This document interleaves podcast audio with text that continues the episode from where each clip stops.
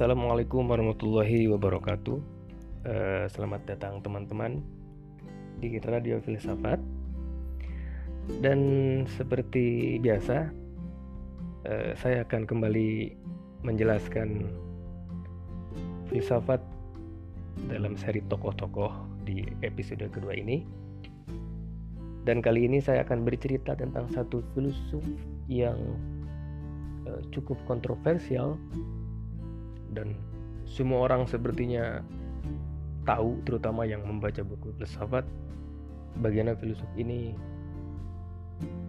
uh, mempengaruhi banyak orang. Dan dia adalah Friedrich Nietzsche.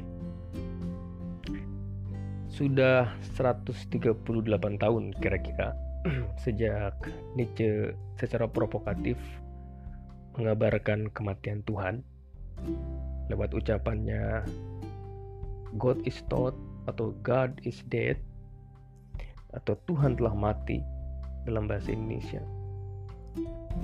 Jadi banyak orang yang dibuat bingung oleh ucapan itu. Banyak orang yang dibuat mual bahkan mungkin sakit kepala. Uh, dan bisa jadi ungkapan inilah yang paling populer di sepanjang uh, literasi filsafat. Dan tidak jarang juga kita melihat banyak orang banyak mahasiswa merasa keren merasa uh, ganas gitu. Setiap kali menerikan gayanya mengucapkan di mana-mana Tuhan telah mati Tuhan telah mati. Dan uh, saya akan mulai dari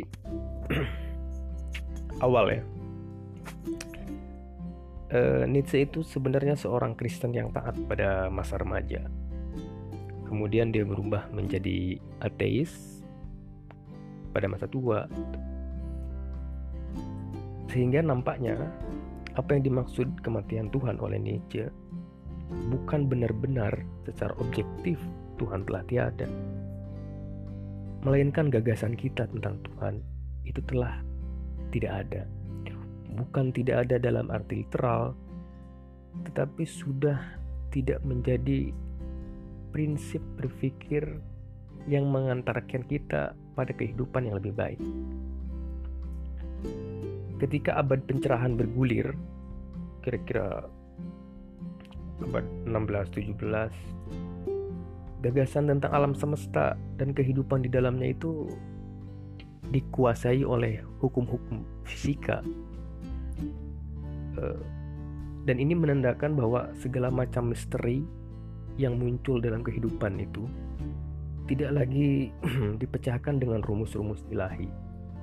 Jadi kalau kita dalam kehidupan ada misteri, ada pertanyaan, dulu mungkin ya kita bisa merujuk kepada teks-teks suci. Tapi kata Nietzsche setelah abad pencerahan khususnya setelah revolusi ilmiah bergulir, uh, segala misteri dan pertanyaan itu bisa dipecahkan oleh sains dan filsafat. Jadi sampai kepada hukum-hukum dan teori-teori moral itu secara konsisten bisa merujuk kepada sains atau kepada filsafat tanpa harus bertanya kepada tokoh agama tanpa harus membuka kitab suci. Tapi sebenarnya Nietzsche hendak mengatakan bahwa bukan hanya Tuhan yang mati, tetapi juga manusia telah membunuhnya dengan revolusi saintifik. Eh, namun demikian, pasca kematian Tuhan, Nietzsche justru memprediksi akan datang bahaya yang lebih besar dan menghancurkan. Uh, jadi tanpa kehadiran Tuhan misalkan dalam kehidupan, maka sistem kepercayaan manusia dalam hal ini Nietzsche yang saya masukkan adalah bangsa Eropa mengalami situasi yang mencekam.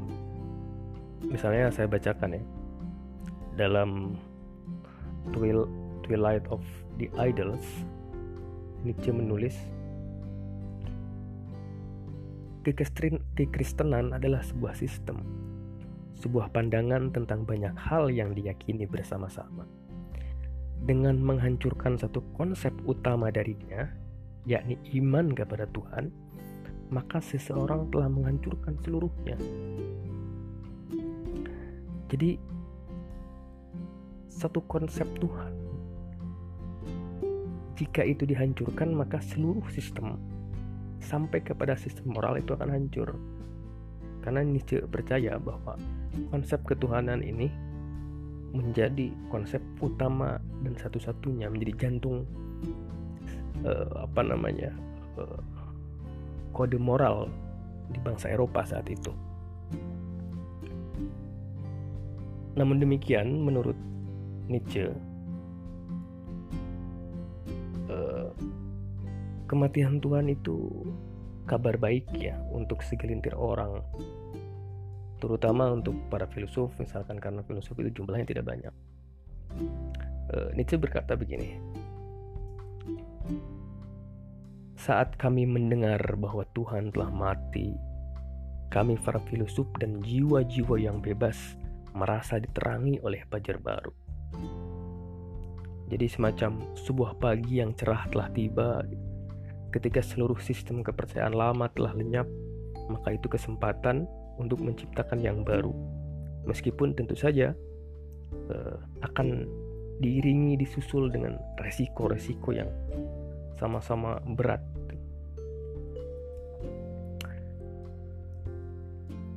Nah, Nietzsche percaya bahwa penghapusan sistem kepercayaan lama telah mengantarkan manusia pada jurang keputusasaan dan ketiadaan makna.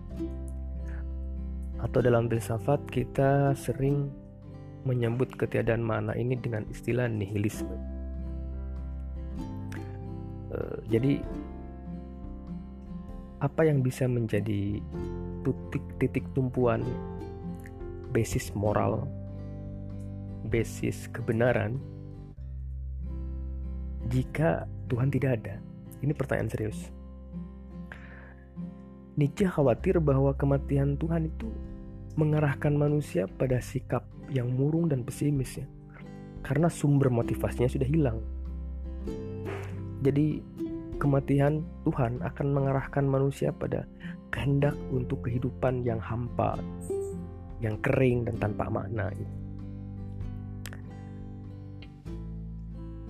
Tapi khawatiran Nietzsche ini kemudian mendorong dirinya untuk uh, katakanlah berusaha keras memikirkan bagaimana jalan keluar dari itu.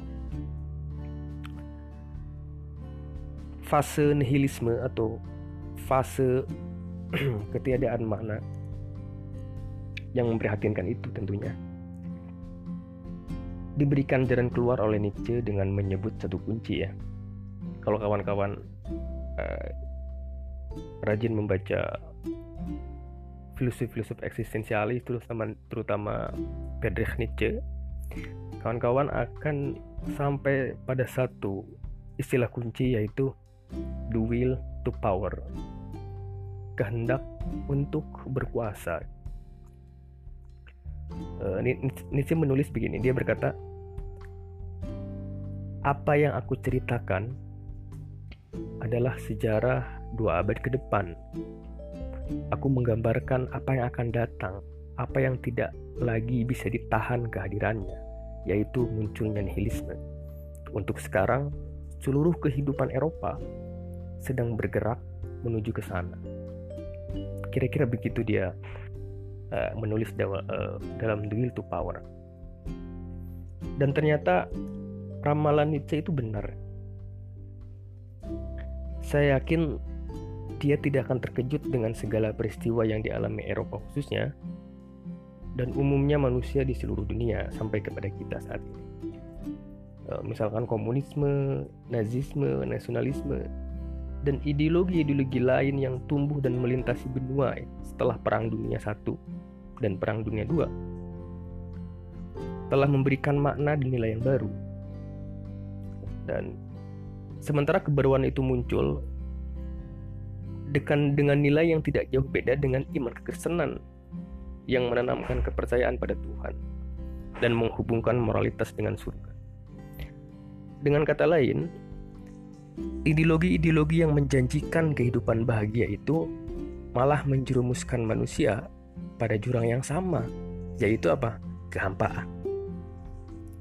Eh, jalan keluar ideologi dari pasca kematian Tuhan tidak memberikan apa-apa kata Nietzsche. Sama saja manusia tetap hampa. Maka bukan itu jalan keluar bagi Nietzsche. Uh, jalan keluarnya yaitu dia menciptakan satu istilah ya untuk mendorong manusia menciptakan nilai-nilai manusia secara secara individu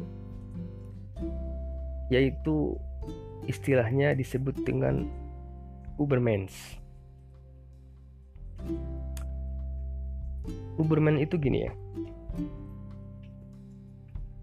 Nilai dan makna hidup manusia harus diciptakan oleh dirinya sendiri, bukan diberikan oleh orang lain. Orang lain ini bisa jadi orangnya, bisa jadi ideologi, bisa jadi agama, apa pun itu Ubermans adalah seseorang yang punya kemampuan melampaui manusia secara umum. Makanya arti Ubermans itu sendiri sering kali dimaknai secara literal sebagai terlalu manusia misalkan atau melampaui manusia. Di Inggris Ubermans itu diartikan uh, Superman manusia super. Uh, meskipun itu nanti banyak yang mengkritik ya. Nah selanjutnya kata Nietzsche jenis manusia Ubermensch ini sangat jauh. Bagi manusia secara awam, secara umumnya itu sulit dikejar uh, jenis manusia semacam ini. Barangkali hanya sebagian kecil yang bisa dihitung jari ya, orang-orang berhasil meraihkan meraih uh, level Uberman. Katakanlah uh, Gandhi ataupun uh, Luther King barangkali itu sudah Uberman. Tapi saya menegaskan bahwa bisa jadi Uberman itu belum ada belum ada di bumi gitu. Dia belum hidup. Uh, yakni orang yang telah berhasil menciptakan makna hidup dengan kehendaknya sendiri dan bertanggung jawab sepenuhnya atas pilihannya sendiri itu belum ada di dunia, belum ada di bumi ini. E, menyadari betapa sulitnya kebanyakan manusia untuk mengejar Ubermensch, Nietzsche kemudian menawarkan alternatif lain sebagai jalan keluar dari cengkraman nihilisme. E, alternatif itu dia sebut dengan the last man manusia terakhir. Nah, jenis manusia terakhir ini, the last man ini, adalah manusia paling hina katanya. Yang menjalani kehidupan dengan tenang dan tentram, tanpa memikirkan individualitas, tanpa memikirkan dirinya. Dia tidak peduli nilai itu diciptakan oleh dirinya atau bukan, selama dia tenang, dia merasa sudah selesai. Ini manusia terakhir, yang dia sebut dengan the last man. Uh, Nietzsche membayangkan The Last Man ini telah menemukan semacam kebahagiaan dengan mata yang berkedip-kedip.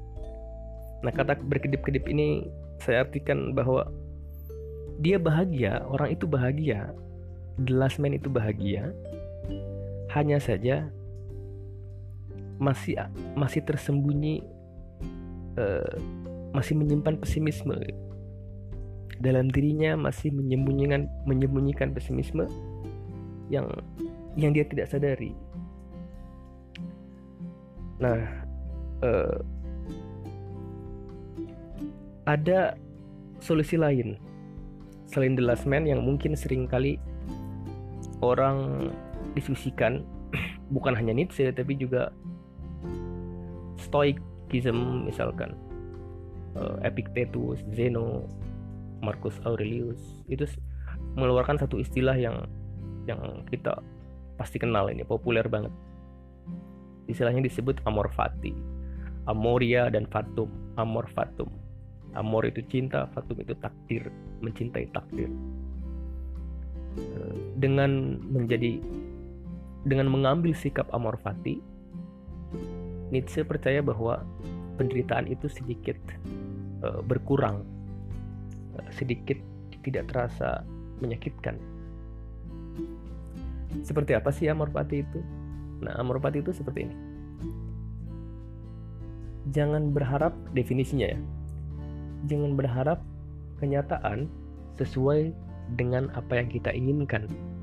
Tapi berharaplah kenyataan sesuai dengan dirinya sendiri. Maksudnya bahwa kenyataan terjadi sebagaimana mestinya di luar harapan dan keinginan kita. Maka tugas kita adalah menerima kenyataan dalam bentuk apa pun, tidak menyangkalnya. Di Yes Man manusia iya eh, mengatakan iya pada seluruh peristiwa yang terjadi. Eh, harta hilang, ya harta hilang dan so kenapa aku harus bersedih kekasih hilang ya sudah saya menerima itu jadi kenyataan sebagaimana terjadi pada dirinya sendiri. Dan kita uh, mengakui itu tidak menyangkalnya. Nah ini uh, satu istilah yang satu jalan keluar juga bagi bagi menurut saya yang bisa dipakai untuk kita dalam kehidupan sehari-hari. Uh, semacam sikap bodoh amat pada seluruh peristiwa karena peristiwa di luar kontrol kita maka eh, kita yang bisa dilakukan adalah menerima semuanya. Nah begitulah episode saat ini. Uh, agak panjang tapi sebenarnya saya buat singkat ya. Ada yang lebih panjang dari ini. Uh, demikian selamat malam selamat beristirahat. Kita akan kembali di kesempatan berikutnya. Dan mudah-mudahan teman-teman semua tetap sehat, tetap berusaha untuk bahagia, bukan berusaha untuk terlihat bahagia ya, tapi benar-benar berusaha bahagia. Dan mudah-mudahan eh, segala sesuatunya berjalan dengan baik. Saya Hendra Januar, bicara di ujung Purwakarta, di pelosok desa, mengucapkan selamat beristirahat Terima kasih. Assalamualaikum warahmatullahi wabarakatuh.